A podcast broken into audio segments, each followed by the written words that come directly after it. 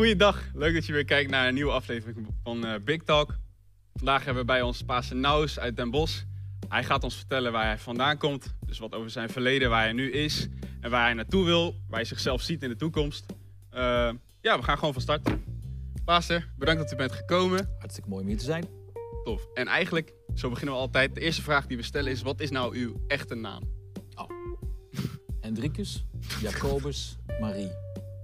Goh. Nouws. Dat zijn mijn doopnamen. Dus ik ben als eh, katholiek eh, gedoopt, maar mijn roepnaam is gewoon Erik. Ja, oké. Ehm, eigenlijk willen we u vragen waar u vandaan komt. Hoe bent u opgegroeid? Eh, kunt u ons daarin in meenemen? Ja, ik ben geboren in Helderberingen. Dat is een heel klein plaatsje in Limburg. Zo klinkt het ook heel klein. En, dat klinkt heel. Buitenland. En ehm, ik ben eh, op jonge leeftijd samen met mijn ouders natuurlijk verhuisd naar, eh, naar het dorpje Meijel. En dat is ook een klein dorpje, ongeveer een 4000, 5000 inwoners. En daar heb ik mijn jeugd gehad. Daar ben ik eh, naar school gegaan en vervolgens naar de middelbare school gegaan, ook in datzelfde dorpje. En vervolgens ben ik ehm, gaan studeren in, ehm, in Roermond. Daar ben ik dan verder gaan. Zal ik doorgaan? Zo dit verhaal even, even. Hoe was uw gezin? Ja, uw broers, zussen? ja, ik heb ehm, eh, twee broers, één oudere. Ik ben de middelste en één jongere. En, eh, mijn vader en moeder die, eh, die zijn nog altijd bij elkaar. Ze leven Oh, ook nog. En eh, hebben ons altijd naar eer en geweten goed opgevoed. En altijd heel netjes gedaan. Een heel rustige, leuke jeugd gehad. eh, in een boerendorp, om dat maar zo te zeggen. Veel plezier gehad. Eh, zo ben ik, eh, ben ik opgegroeid. Ja. Ook op een boerderij opgegroeid dan? Nee, dat niet. Maar ik had een vriendje, die had, die had thuis een boerderij. En daar ging ik Ja, dan ja. wel naartoe. Op de, trekker, alle leuke dingen meegemaakt. Ja. En uw ouders, ehm, kunt u ons meer vertellen over uw ouders? Ehm, en misschien of zij, of zij überhaupt in, een God geloofden. Ehm, wat, wat hun levensstijl is, om het zo maar te zeggen. Nou, van, eh, van mijn moeder is het altijd wel geweest dat mijn moeder met de kerk bezig is geweest. De katholieke kerk. Je hebt een dorpje en daar is eigenlijk maar één kerk. Je kunt het niet voorstellen, maar er zijn dus ongeveer 4000 mensen die wonen in een dorp en die kennen maar één kerk. En dat is de katholieke kerk. Mijn moeder die is altijd eh, katholiek geweest en heeft daar eh, eh, heeft ook wat meerdere dingen gedaan in de kerk zelf. Mijn vader, daar weet ik eigenlijk niet zo heel veel van in de vorm van eh, hij is wel gelovig geweest, katholiek opgevoed. En dan is dat dat je dus tradities kent. Dus als kind word je dan gedoopt. En op een gegeven moment krijg je het, ehm, eh, eh, de communie en dan krijg je het vormsel. En dat zijn dan tradities vanuit de katholieke kerk. Nou, dat, dat hebben wij allemaal doorlopen. Mijn moeder is op latere leeftijd, na mijn bekering, tot bekering gekomen. En eh, zij gaat dus ook naar een van onze kerken. In dit Oh. geval gaat zij dus naar eh, de kerk in, eh, in Roermond van Paaster Hamer. Daar gaat ze naartoe. En mijn vader is door een, door een hele moeilijke tijd gegaan vanwege corona. En hij heeft, dus, is, is ernstig corona-patiënt geweest. Zijn leven hing er vanaf. Maar hij heeft het gehaald. En eh, we hebben in die tussentijd wat mensen gevraagd om voor hem te bidden en zo. En, ehm, en ik vind het prachtig om te vertellen dat mijn vader gewoon ook zegt van nou, zonder gebed had ik het niet gehaald. Dus daar gebeurt iets eh, van God of van geestelijkheid in het hart van mijn vader. Eh, dat vind ik ontzettend mooi om dat te zien. Goed Ja. om te horen. Ja. Ja, dat, daar zijn we allemaal wel bij. Ja, heel mooi. Maar het is vrij recent nog. Ja, is heel recent, ja. ja. Dus als ik het mag samenvatten, ehm eh, bent eh, katholiek, e- enigszins katholiek opgegroeid. Ja. Ehm, en uw ouders ehm, maken nu goede keuzes, hoor ik zo. Ja. Eh, Oké, top. Eh, hoe waren uw ehm, jonge tienerjaren, als ik dat mag vragen? Ja, dat is eh, dat ik, ehm, ik, laat ik nog even zeggen, op zesjarige leeftijd heb ik een ongeluk gehad. En ik ben onder een vrachtwagen gekomen. En dat was een beetje, voor zover ik mij kan herinneren, een soort keerpunt voor mijn leven. Dat ik dacht van, als ik nou zou zijn gestorven, kun je nagaan, zes jaar en ik ging nadenken over het leven. Als ik nou zou zijn gestorven, zou ik dan bij Jezus zijn geweest of niet? Jezus was voor mij een mythisch figuur. En daar keek ik tegenop. Ik wilde daar meer van weten, want alles wat Jezus deed was goed. En zo, ehm, op zesjarige leeftijd, veranderde iets in mijn denken, in mijn, in mijn geest. eh, van ik moet iets met het geloof gaan doen. Ik heb toen ook een, eh, een, visioen gehad of een- in een droom iets meegemaakt. Waarin God heel duidelijk eh, tot mij sprak dat hij iets bijzonders zou gaan doen. Maar ja, als kind in een katholiek dorp, je hebt geen idee wat dat is. Dus je denkt, ik moet misschien wel priester of pastoor worden en zo. Nou goed, dat kwam er gewoon niet van, want dat, dat, dat weerstond ik op de een of andere manier. Ik ging wel naar, uh, naar een jongerenkoor in, uh, in Meijel. En dat was dan een, een koortje, een katholiek koortje. Ik speelde daar gitaar. En, en daar heb ik dus ook mijn, mijn vrouw leren kennen. En zo hebben we elkaar, dus als we zeggen, mensen vragen van, goh, heb je je vrouw leren kennen? Ze, hebben elkaar leren kennen in de kerk. En dan denken ze, oh, bij de deur. Nee, in de katholieke kerk. En dat vinden ze ik wel heel grappig om, uh, om te horen. Maar we hebben elkaar daar leren kennen. En we hebben een hele leuke jeugd gehad. Ik ging wel een beetje de alternatieve kant op, om dat maar zo te zeggen. Ik hield niet van de standaard popmuziek die er toen gedraaid werd. Ik hield van muziek zoals The Cure. En dat is toch een beetje het doom denken. doom, een beetje dat, dat, dat, dat, dat melancholische en zo. Ja. Nou, en daar trok ik naartoe. Nou, ik begon een band op 12-jarige leeftijd met, met wat vrienden. En zo maakten wij ja, een beetje van die hele zware muziek. we hebben heel veel plezier gehad. En ik heb een, eigenlijk een ja, hele, hele leuke jeugd gehad. Maar wel altijd een beetje anders dan, dan laat me zo zeggen, de gemiddelde mensen in die tijd. Ik ben later ook na de bouwkundeopleiding naar de kunstacademie gegaan. Dus de kunst gestudeerd, architectuur. En ben dan later dan ook eh, afgestudeerd aan de kunstacademie als interieurarchitect, als vormgever en, en noem het allemaal maar op. Dus dat is dan een beetje wat ik heb, heb gedaan. Ja. En dan komt uh, Evangelie Gemeente Deur om de hoek kijken. Dat is, dat is het allermooiste.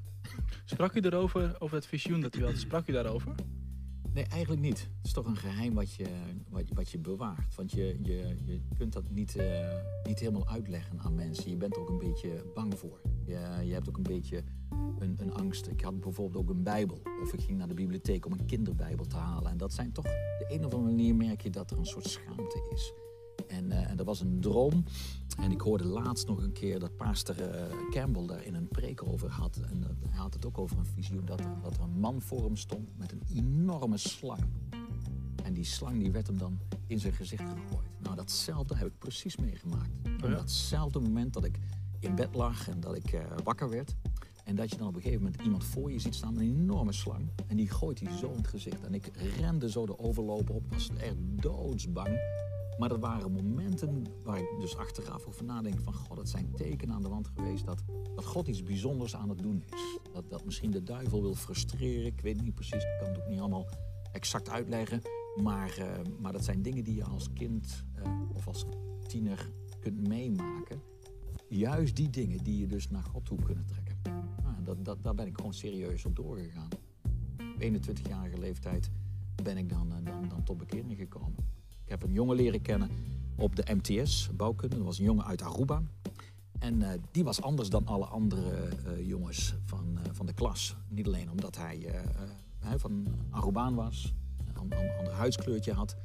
wat heel opvallend was in Limburg in, in, in, die tijd. Maar gewoon hoe hij was als persoon, dat was zo aantrekkelijk. Dat hij, hij was aardig, hij was vriendelijk, was geduldig. ook al haalde hij zijn punten niet goed, onvoldoendes. Uh, slechte scores. Hij bleef maar lachen en plezier hebben enzovoort. Want zei hij, God is het allerbelangrijkste in mijn leven. Nou, dat triggerde bij mij. En, uh, dus in de pauzes ging ik met die jongen zitten. En met mhm. hem praten over, uh, ja, wat zegt de Bijbel? En wat moet ik daarvan weten? Enzovoort. En zo werd mijn hart dus eigenlijk gevormd. Of ehm, hoe zeg je dat? opener en steeds meer opener om, om, om het evangelie te ontvangen. En, en uiteindelijk lukte dat toen, uh, toen ik 21 jaar was, dat ik echt mijn leven naar Jezus gaf. Ja. En die jongen was een jongen van een van onze kerken? Nee, het was niet een jongen van onze, onze kerk. Het was een jongen die, uh, die kwam van Aruba en ging daar dus naar een kerk. Het was een uh, fenomenale gitarist was het. Een ontzettend goede gitaarspeler. En hij speelde dus gitaar in, in de diverse kerken. En hij nodigde me wel uit om eens een keer met hem mee te gaan naar een Pinksterkerk. Dat heb ik toen nooit gedaan. En, ehm, en dat ehm, dat was wel voor mij genoeg om, om, om met Jezus uh, in aanraking te komen. Het mooie van het verhaal is dat ik dus een, uh, intussen drie of vier jaar geleden heb ik die jongen ontmoet. Dus uh, hij haalde zijn schooljaar niet. Hij ging zelfs van school af. En hij um, um, ging naar een andere opleiding. En we zijn het contact kwijtgeraakt. Dat was niet van de tijd met mobiele telefoon en dat je onderling dus de tijd contact hield. Dat was gewoon met brieven schrijven. Ik had zijn adres niet en zo. Eén ding wist ik, hij woont daar in Aruba, dat is de straat. En daar woonde hij vroeger. Lang verhaal kort. dat gesprek had ik een keer met, uh, met Paaster Schuitema, met Carina. En toen zei uh, Carina van, goh, ik ga binnenkort naar, uh, naar Aruba. vind je een leuk idee als ik eens even ga kijken of dat ik misschien die jongen ga treffen? En toen heeft zij daar werk van gemaakt. Goh. En toen kwam zij terug en toen zei ze, ik heb hier een telefoonnummer voor je. Misschien moet je dat eens proberen. En nou, nu met die middelen natuurlijk, ik dat telefoonnummer gepakt. In WhatsApp gezet. Kijken wat voor foto bij hoort. En ik herkende hem meteen. Ja. En ik heb nog even gewacht met het bellen. Maar een paar weken later dacht ik van nou hup, stoute schoenen aan. Ik ga hem bellen. En ik bel hem, ik krijg hem aan de lijn. Ochi heette hij. En uh, we kwamen in herinnering en hij vertelde mij het volgende verhaal. Dat is een heel mooi verhaal. Hij zei, ik heb nooit geweten wat ik moest doen in Nederland. Want ik ben daar naartoe gegaan om een studie te halen. En ik ben weggegaan zonder een diploma. Want in de tijd dat mijn vader mij belde van kom maar weer terug, want er is heel veel werk in Aruba, heb ik gewoon niets afgemaakt. En ik heb, en dat is 30 jaar lang, is dat 30 jaar geleden, 30 jaar lang heb ik gewoon zitten, zitten af te vragen van wat moest ik nou eigenlijk in, uh, in, in Nederland? Mijn tante, zo zei hij dat, hij zegt jongen, als God ergens een bedoeling mee heeft, dan heeft hij hier een bedoeling mee gehad. En ik kon hem vertellen. ik zeg, luister Ochi, ik, uh, je hebt mij uh, over de evangelie verteld. Ik ben weliswaar toen niet tot bekering gekomen. Maar ik ben, uh, ben later tot bekering gekomen op jouw getuigenis. En ik ben vandaag de dag een paaster. Ah, hij zegt, fantastisch, zegt hij. Mooi. Dat is het, het, het, woord wat je zaait, altijd op de een of andere manier een goede plaats vindt. En dat, dat God de God is van, van de oogst. En hij, hij zorgt ervoor dat hij verhalen ergens, uh, dat die goed terecht komt. Heel gaaf. Ja, mooi hè? Uiteindelijk 21 tot bekering gekomen. Mm -hmm. uh, hoe ging dat dan? U, was, u had een kerk of naar welke kerk nee. ging je toen? Ik zat toen uh, nog op de kunstacademie en Ketty en ik, wij zijn ehm, vrij snel getrouwd. Ik was 21 toen, we, toen ik ging trouwen en Ketty was toen 19 jaar. Jullie kennen elkaar vanaf de 12ste? Ongeveer? Nee, nee. Ketty was 15 jaar. Toen, uh, toen ik, uh, ja, ik leerde haar kennen, omdat zij ook op een gegeven moment bij een jongerenkoor kwam. maar we hadden niet zo heel veel oog voor elkaar. En dat is pas later gekomen toen we een soort van tienerkamp, of een, eigenlijk een kerkenkamp hadden. En zo vielen we in één keer op. toen was het heel leuk om, elkaar te, beter te leren kennen. En toen we tot bekering kwamen, toen zijn we samen naar, naar, naar, de kerk gegaan in, in, in Maastricht. Ik moet daarbij zeggen, we waren eerst van plan om samen te gaan wonen. Maar uh, bekering zorgde ervoor dat wij niet gingen samenwonen, maar dat wij gewoon uh, gingen trouwen. En toen gingen we dus naar, uh, naar de kerk, de deur in, in Maastricht. En daar heb ik dan um, de eerste jaren, zijn we daar geweest, ongeveer een, zeven jaar. Daar hebben we dus meegeholpen, de paaster die daar was en zijn vrouw, de kerk opgebouwd vanaf de grond. We waren de allereerste die, die daar in de kerk kwamen. En zo uh, hebben we daar uh, meegeholpen met evangelisatie. Van alles gedaan. Een band begonnen. Mozes Kriebel. Mm, van alles hebben we daar meegemaakt. Discipelschap hebben we daar uh, gehad. En na zeven jaar, toen ontstonden er wat problemen in de kerk. Ik moet eigenlijk het volgende zeggen. Wij stonden op het punt om uitgestuurd te worden. En dat was in de conferentie dat we eigenlijk naar Leuven zouden gaan, naar België. Dat was de planning. We werden uitgestuurd naar Leuven, België. U eens, voordat u verder gaat, Ja. want daar ben ik altijd wel benieuwd naar. Ja. Ehm, kunt u ons eens vertellen hoe uw discipelschap ging? Voor- Vooral voor ons jongens is het ook wel leuk om te weten, maar Ja. u kwam tot bekering en eh, u, u ehm, maakte een sprongetje naar uitgestuurd worden. Ja. Ehm. Hoe, hoe ging dat proces voor u? Een sprongetje van zeven jaar. Zeven jaar. Ja. Nou, Het was zo, de, de kerk was heel klein. En de zegen van een kleine kerk is dat je direct contact hebt met je paaster. Dus als het gaat om discipelschap, was het niet een vorm van discipelschap. Jongens, we hebben discipelschapsklas. En één keer in de twee weken of één keer in de maand of we komen bij elkaar. Dat ging, eh, dat ging anders. Het ging niet in de vorm van een discipelschapsklas, maar het contact wat je dus hebt met je paaster. En dat is één op één, want hij predikt en hij vraagt mij om dingetjes te doen. Hij eh, zegt van, goh, kun je dit voorbereiden? Kun je dat voorbereiden? Wil je hiermee bezig zijn? Eh, ik heb niet zoveel tijd. Ga je mee met evangelisatie? En zo is dus het discipelschap als een soort overbrenging van geest op, op mijn leven gekomen. Nou, en van het een komt het ander. Je krijgt dan eh, wat nieuwe mensen bij je in de kerk. Nou, en daar, eh, daar ga je mee om. Daar heb je gesprekken mee. Eh, Daar ga je samen dingen doen. Je gaat samen de straat op. Ehm, op een gegeven moment vraagt dan je paarster van, goh, zou je een keer een bijbelstudie willen voorbereiden? Wil je een keer een huissamenkomst organiseren? Wil je misschien eens een keer preken? Ja, en zo ontwikkelt zich dat. En dan zoek je op een gegeven moment naar van ben ik geroepen, ben ik niet geroepen. En dan komt dat op een gegeven moment, dat verlangen komt dan op de een of andere manier van ja, dit is, dit is waar het leven om gaat. Dit is, dit is waar God mij toe geroepen heeft.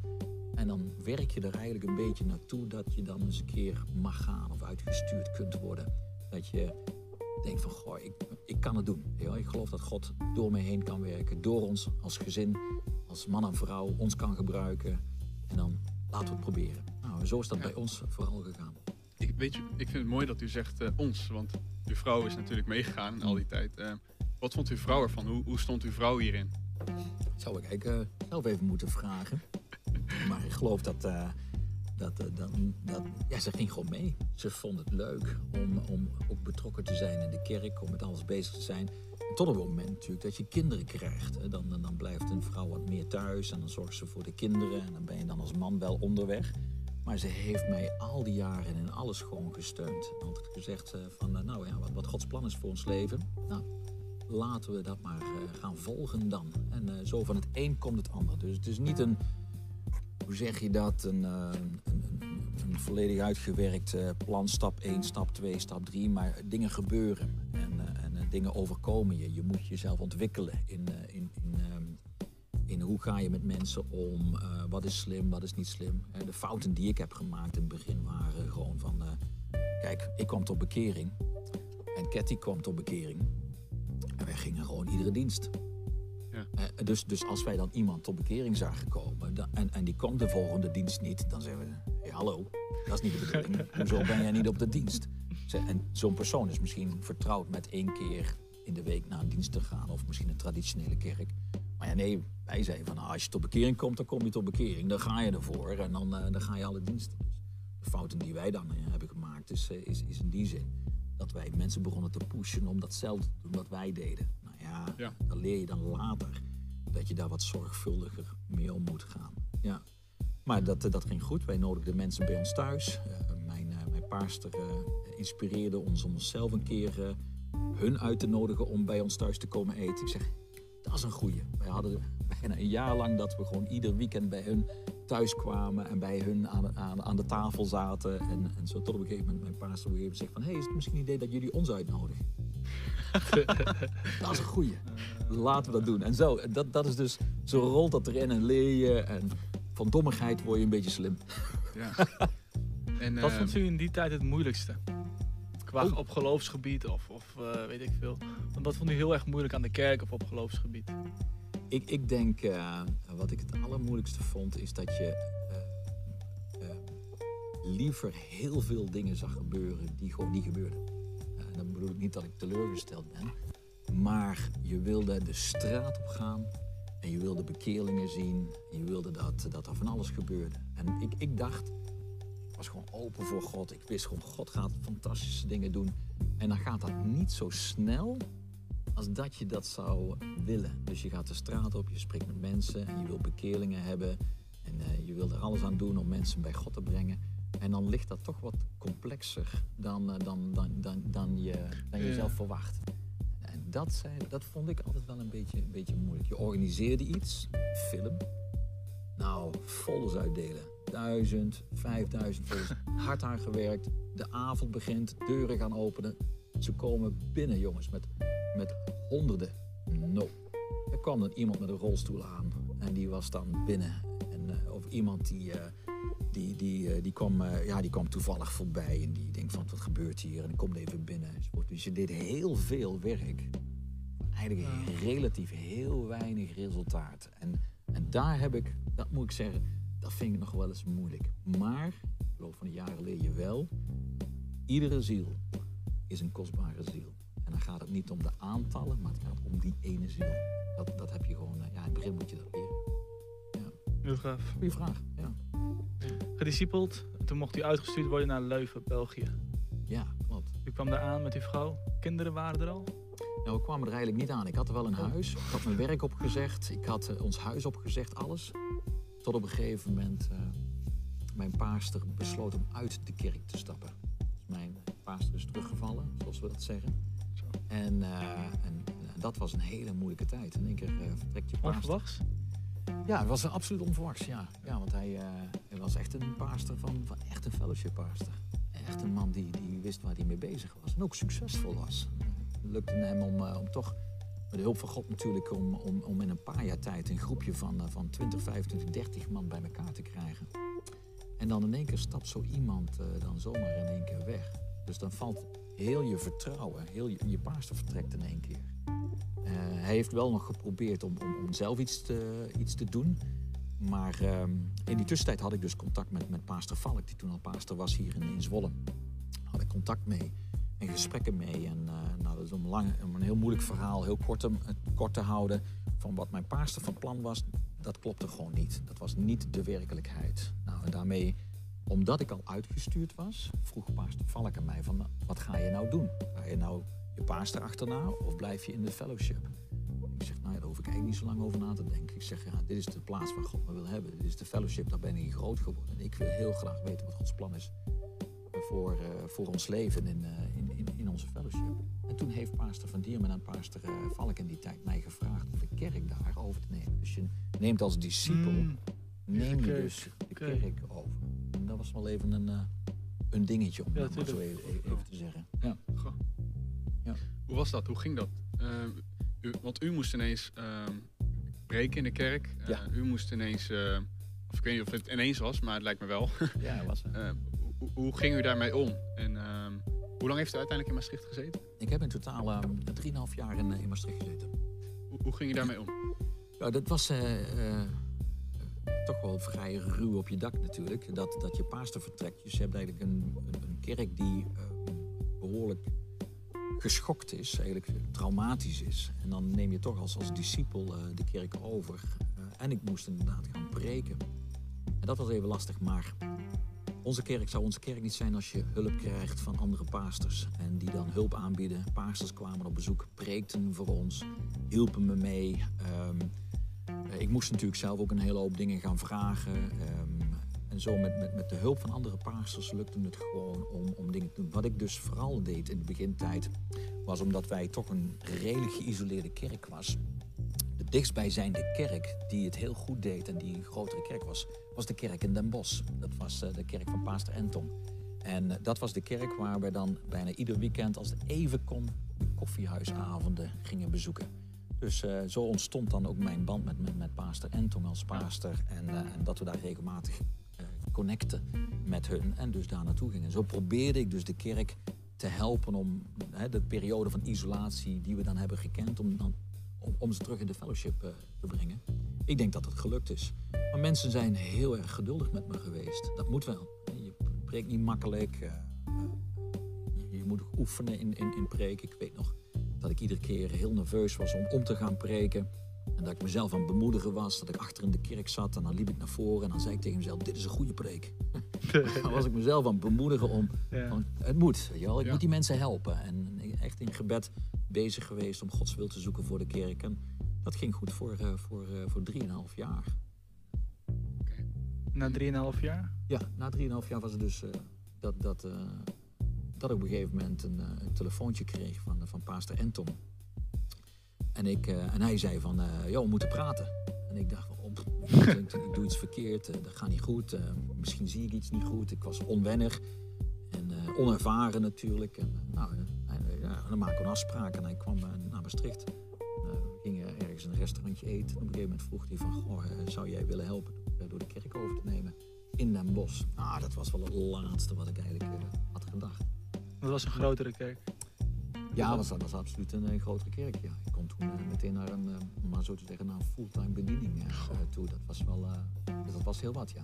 Pastor Koiker ging in die tijd van, van Arnhem naar Zuid-Afrika. Ja. En um, toen werd Paaster Anton gevraagd om naar Arnhem te gaan. Uh, toen werd ik gevraagd om naar Den Bosch te gaan. Toen werd paaster uh, Frans Mits uh, gevraagd om van Tilburg naar Maastricht te gaan. En paaster Zimmerman die nam toen de kerk over in Tilburg. Dus dat was... Past was allemaal. Ja, ja. Dus en vanaf die tijd zitten we dus in, in, in Den Bosch. Ja. Hoe was dat? Hoe was ten eerste uw aankomst? En um, hoe heeft u... Want u maakt een overstap, dat zo kunnen we het wel noemen, van een eh, kleinere kerk naar een fulltime uh, bedieningkerk, Ja. zeg maar. Ja. Ehm, ehm, ja, hoe was uw aankomst en hoe was dat voor u? Dat was weer wennen. Ja, dus, al, alles is wennen. Alles wat je voor de eerste keer doet is eh, natuurlijk altijd, eh, altijd wennen. Maar eh, we zijn ontzettend goed ontvangen. Heel leuke luidjes. Toen we aankwamen, toen deden ze net of dat er niemand in de kerk was. En toen was de kerkenraad, die was daar en die ontving eh, ons dan. Ja, hij zegt, ja, ik heb geen idee waar die mensen zijn. Normaal gesproken zijn ze altijd mooi op tijd en zo. En toen hadden ze zich allemaal verstopt boven in de kerkzaal. Hadden ze donker gemaakt. En eh, nou ja, toen gingen de lichten aan. Een enorm applaus. En eh, we kwamen daar binnen. Ontzettend warm ontvangen. Heel erg leuk. En eh, ja, dan, dan ga je preken. Dus dan, dan, dan ga je aan het werk. En dan ga je de mensen leren kennen. En de mensen gaan jou leren kennen. En, de eerste jaren neemt het gewoon wel wennen. Zeker ook als je als paaster ehm, een kerk overneemt die dus door de eerste paaster gepioneerd is. Mensen hebben dan heel vaak het idee van, hé, hey, dat is de paaster, zo ziet het eruit, zo is die, zo doet die. En dat is dan vaak wel voor een kerk wennen, dat er dan weliswaar iemand komt met dezelfde visie, maar een heel andere persoonlijkheid, een ander karakter heeft. En dat is dan wel, wel, wel altijd even wennen. Dat geldt voor ons, maar dat geldt natuurlijk ook voor, eh, voor, eh, voor, de, voor de kerk zelf. En eh, dat was niet altijd even makkelijk. Maar uiteindelijk ja, zie je toch gewoon dat Gods werk gaat toch gewoon door, door alles heen. En ik werd meer vertrouwd met, met het preken. Ik had meer tijd om, om mijn preken voor te bereiden. Ik kon meer studietijd eh, hebben. Ik moest ontzettend wennen aan, eh, aan het fulltime bediening.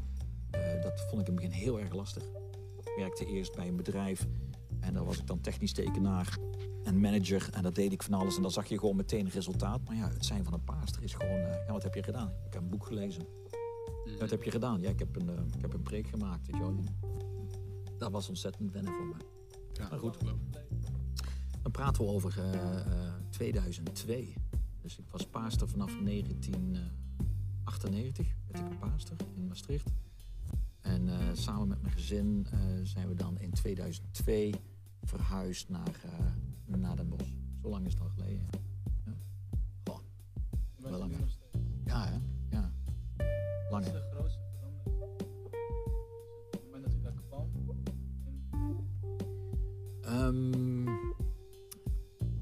Ik denk wat ik juist eh, heb gezegd, dat, dat mensen moesten in eerste instantie heel erg wennen aan, aan, aan je als paaster.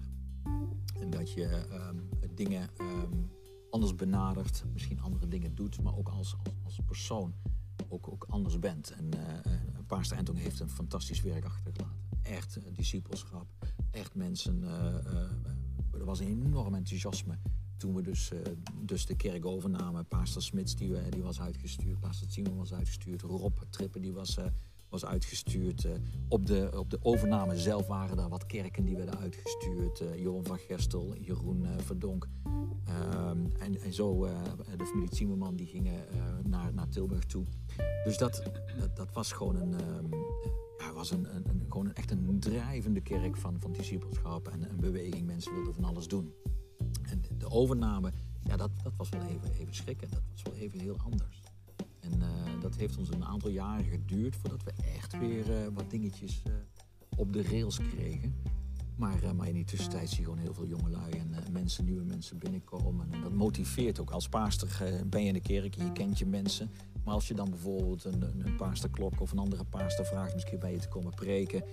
die, die de kerk dus goed kennen, die komen dan binnen en zeggen: hé, hey, leuke nieuwe luidjes enzovoort. En dan word je dan altijd wel bemoedigd als paaster. Zeg van hé, hey, ja, er is wel degelijk verandering of er is beweging en er komen nieuwe mensen bij. En, en dan word je daar wel, eh, wel in bevestigd. En, nou ja, en op die voet ga je verder. Je moet ervoor zorgen dat je goed contact hebt, hebt met de paaster. Ik heb toen veel contact gehouden met paaster Enton. En uh, paaster Valk natuurlijk. Nou, en die vraag je van, doe ik dingen goed? Ik ben, was erg onervaren, was nog maar 3,5 jaar eh, een paaster. En dan neem je een fulltime kerk over. Het was allemaal een beetje spannend.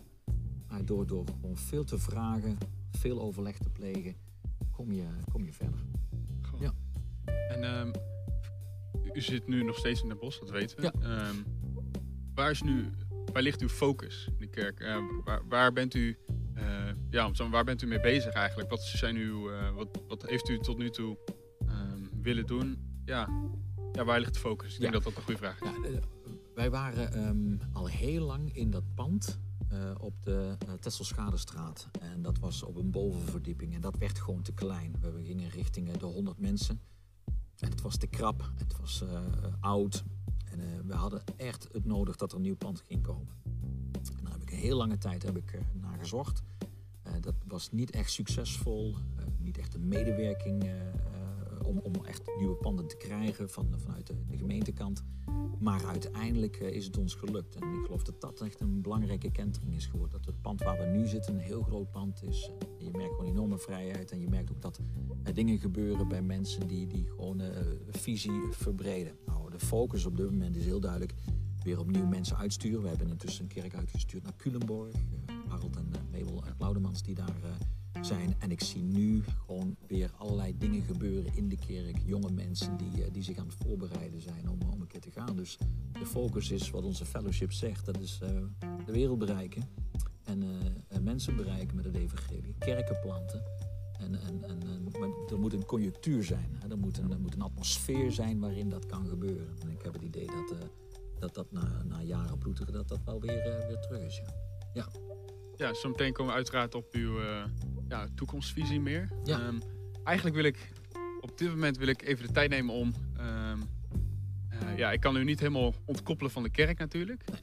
Maar meer op u ingaan, op u persoonlijk. Ik, ik heb wat, en schrik niet, ik heb wat rondgevraagd. En ik heb hier en daar wat gevraagd. Uh, hoe is Pasen nou nou eigenlijk? Uh, wat zijn zijn hobby's, om het zo maar te zeggen?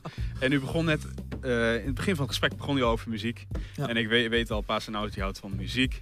Ja. En ik sprak toevallig Brammetje vandaag. En, oh. en hij zei van, mijn vader is zo dat hij soms met nieuwe muziek komt, nog meer dan ik. Dat, dat hij nog steeds, dat hij nog steeds uh, echt een muziekliefhebber is. Ja. En uh, ja, u had het al over uw opleiding. En uh, hij zei dat u, dat u dat gebruikt ook in de kerk. Dat u uw, uw eigenschap, uw, uw kennis gebruikt om die in de kerk toe te passen. Dat u mensen kunt lezen.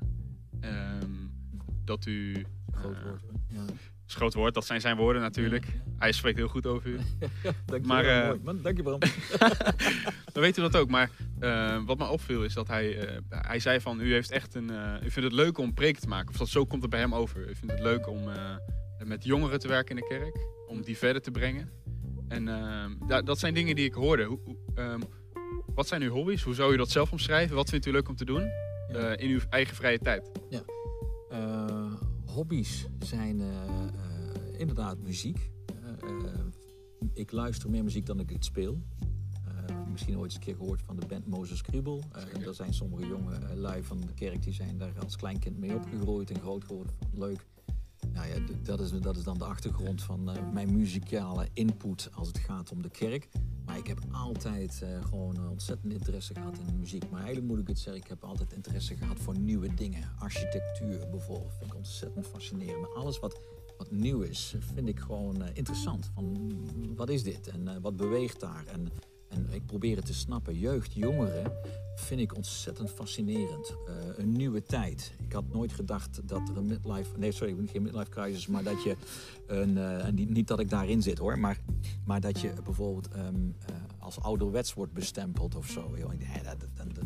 Ik vond mijn vader bijvoorbeeld heel ouderwets. Een soort, dat gaan mijn kinderen toch niet van mij zeggen, maar ik zie wel degelijk een generatiekloof. Mm -hmm. Maar, maar ik, ik oefen mezelf om, om, om, om te kijken naar jeugdjongeren. Wat interesseert hun en wat houdt hun bezig? En ik denk dat dat uh, hetgene is wat ik... Uh, ja, ik vind gewoon nieuwe dingen heel interessant. Uh, nieuwe muziek heel erg interessant. Um, ik zoek altijd een beetje de edges, om het maar zo een beetje te zoeken. En ik geef in, in het algemene jeugd bij ons in de kerk heel veel ruimte. Op dit moment hebben we net in de coronatijd uh, uh, vernieuwing gedaan in, in, in onze 180. Nieuwe lampen, nieuwe dingetjes. Berry Trip is er heel druk mee bezig. Ah, vind ik fantastisch om dat te zien. Gewoon ideeën die ze hebben, geef ze ruimte van wat denken jullie. Maar ook bijvoorbeeld het maken van een folder. Hè. Dat doe ik dan niet zelf, maar dan vraag ik bijvoorbeeld Bram. Van, goh Bram, maak eens een folder wat een beetje bij jullie, in jullie tijd past. Probeer even met me mee te denken, of ik probeer met jullie mee te denken. En ik geef ruimte aan, aan we leven in een hele nieuwe tijd. En ik wil weten, wat, wat, wat, wat werkt voor dit moment? Uh, vroeger was het zo, dan hadden wij folders en dat, dat, nou, heel veel leeswerk, heel veel uh, informatie. En ik merkte dat gewoon heel veel mensen die als die een A4'tje krijgen, ja, dan moet je doorlezen. Dan, pff, zoveel lezen. en Zo Je wil liever een QR-code dat je naar de website kunt en dat je dus online gaat of weet ik veel. Ik zeg, nou ja, dat is wel de richting waar het dus in onze maatschappij naartoe gaat. Maar wat kunnen wij dan betekenen als kerk om daar in mee te vloeien? Of in ieder geval misschien zelfs dingen voor te zijn. En misschien mensen te informeren over Jezus Christus en het evangelie. Dus ik zoek wegen om, eh, om allerlei mensen te bereiken met het evangelie. Maar dan op een, op een moderne manier. Nou, dat, dat vind ik fantastisch. Dat is, dat, dat- is een creatieve geest die je hebt. Ja. Ik kom van de kunstacademie en, en, en, en niet, niet dat het dat is hoor. Ik bedoel, eh, ik- als mensen creatief zijn is dat natuurlijk eh, fantastisch. En als je de kunstacademie kan, ook hartstikke mooi. Maar het is, het, het, het is een geest die je hebt. Het is een, eh, iets wat je, wat je in je meedraagt. En Dat raak je volgens mij, dat hoef je niet kwijt te raken. Dat, Nee. Daar kun je heel oud mee worden. Mooi om zo te horen. Ja, we zijn wat dieper ingegaan op u natuurlijk. Ja. En eh, houdt van spreken, man. Ja. Ja. Ja, ik, ik, ja ik, ik hou van studeren. Eh, ik kan helaas niet al te veel onthouden. Daar baal ik ontzettend van. Ik ben niet zo'n paas die bijbeltekst onthoudt. Maar, eh, maar ik hou van studeren, van nieuwe dingen ontdekken. En ja, om een paaster, paaster klok vind ik fantastisch. Ja, paaster klok vind ik ontzettend mooi. Eh, daar maak ik af en toe eens een keer een preek mee. Ontzettend mooi om naar, eh, naar te luisteren. Eh paaster Kevin Foley is, is eh, vind ik een fantastische paaster om naar te luisteren. Paaster Greg Mitchell, paaster Wim Mitchell.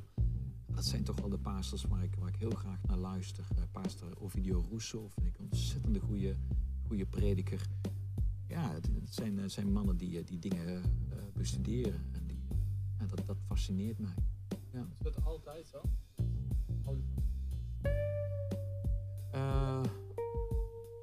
Ik ben nooit zo'n super student geweest. Eh, maar ik moest wel. Eh, maar maar ehm, eh, ik denk dat het meer een honger is naar, naar, naar, naar, naar nieuwsgier- nieuwsgierigheid naar nieuwe dingen. En, en, en vandaag nog bijvoorbeeld een preek gemaakt met, met, met Pastor Verplak. En eh, hele leuke, leuke preken, voorbereiding voor, voor Vaderdag. En, toch even iets, iets anders over een onderwerp over vaders te hebben dan de algemene onderwerpen die je dan vaak wel hoort over, over. Ik voel me altijd getriggerd om te zeggen van, ik heb hier een verhaal, maar wat zit er nog meer in? En, en, en, en dat, dat, vind ik, dat vind ik interessant. Dus eh, misschien niet het, eh, het studeren in zichzelf, maar meer de nieuwsgierigheid. Nou, wat, wat, wat zit er nog meer in en wat kunnen we daar uithalen? En Wat, kan, wat wil God daarmee zeggen? Ja, dank je. wat is uw eh, visie voor de toekomst? Nou, visie is eh, dat, dat, dat wij mensen een hemel mogen krijgen. Nog meer. En dat wij eh, impact kunnen maken op, op de maatschappij voordat het te laat is. Ehm, Hoe wilt u dat doen? waar we mee bezig zijn. Ik geloof er is geen, geen mooiere kerk in de wereld te vinden dan, eh, dan onze kerk. Als het gaat om de energie, eh, de, de spirit die we hebben. Als ik jullie hier zie, of als jullie hier bezig zijn. eh, met moderne middelen om ook eh, de wereld te willen bereiken. En ik geloof zeer zeker dat daar vrucht uit komt. Ik, eh, ik heb in de coronatijd geleerd dat, dat, dat, dat, dat, we moeten eh, misschien anders gaan denken over bepaalde dingen. En, en, en, in dezelfde visie dat je dus de wereld kunt bereiken met het evangelie. En dan bijvoorbeeld zoals jullie bijvoorbeeld livestream hebben. Ik geloof zeer zeker dat dat een visitekaartje is voor, eh, voor heel veel mensen. Eh daar kijken veel meer mensen mee dan dat, je, dan dat we kunnen denken. Het zijn natuurlijk voor de kerkmensen die dan een kerkdienst kunnen meemaken in coronatijd. Maar, eh, maar daarbuiten zijn gewoon een heel veel mensen die, die, die worden nieuwsgierig. Als zij God gaan zoeken, kerk in Zwolle, nou, dan komen ze bij de deur Zwolle. En dan zien ze een livestream en dan zeggen ze goh, wat een leuke kerk. En eh, die 180's en eh, goh, wat gaaf en wat een goede band. En mensen komen in eerste instantie toch heel graag uit nieuwsgierigheid kijken. En als je dan het evangelie kunt vertellen, en het zijn mensen die open zijn en hongerig zijn voor God, dan is dat een manier van evangelisatie geworden. En, eh, ik denk dat we daar toch een beetje naartoe gaan in, on- in, in onze tijd. Tuurlijk, straatevangelisatie, één op één. Ik hoorde dat jullie folders hebben om uit te delen, mensen te laten weten dat de livestreamdiensten te kijken, te zien zijn. We hebben ook kaartjes gemaakt in de bos. Die gaan de komende maand gaan die de deur uit eh, en dan gaan ze bij de mensen eh, door de brievenbus. Als een soort evangelisatie. Er is een meisje wat, wat we, waar we contact mee hebben, eh, wat, wat op zoek is eh, naar God. En puur vanwege de livestreamdienst dus eigenlijk contact zoekt eh, met ons. Nou, en ik denk dat dat nog veel, veel meer wordt. Naarmate we een spannende tijd hebben, onrust in de maatschappij, eh, demonstraties van eh, racisme, eh, eh, ziekte. we, we zijn kwetsbaar, dat hebben we intussen wel, wel, wel gemerkt. Ik denk dat dat de harten van mensen zal openen om terug te keren naar God. En laten wij als kerk voorop lopen. Laten wij als kerk laten zien dat we er zijn. Dat we iets voor ze kunnen betekenen. Dat, dat God aanwezig is in onze diensten. En dat God bij machten is om mensen te veranderen. Wat we altijd doen.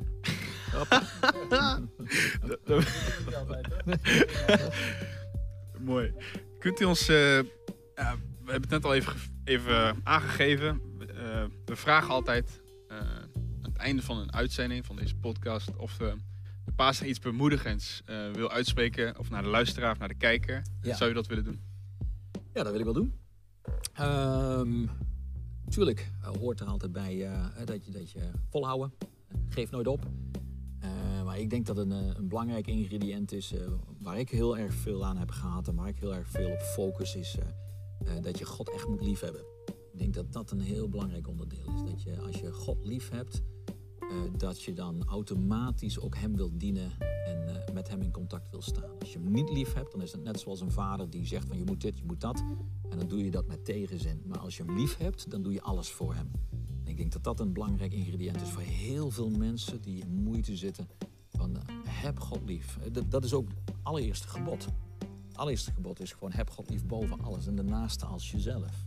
En ik denk dat dat de maatstaf is voor iedereen om verder te komen met het evangelie. Ook al zit het tegen, ook al ga je door een droge tijd, moeilijke omstandigheden, meest verschrikkelijke dingen kunnen er in je leven gebeuren. Maar je moet nooit de liefde van God eh, gaan missen. Want als je dat mist, dan raak je alles kwijt. Want als je het bij God niet vindt, ga je het dan vinden? Waar ga je het dan zoeken? En daarom focus ik altijd van, van God proberen in je gebed je te concentreren op het offer wat Jezus Christus heeft gedaan voor je. Hij hing aan het kruis, deed dat uit liefde voor jou. En als je dat dus eh, doet, en dat klinkt misschien een beetje emotioneel, maar als je, als je, daarop concentreert, dan weet je gewoon van, nou, Heer, u heeft alles aan mij gegeven.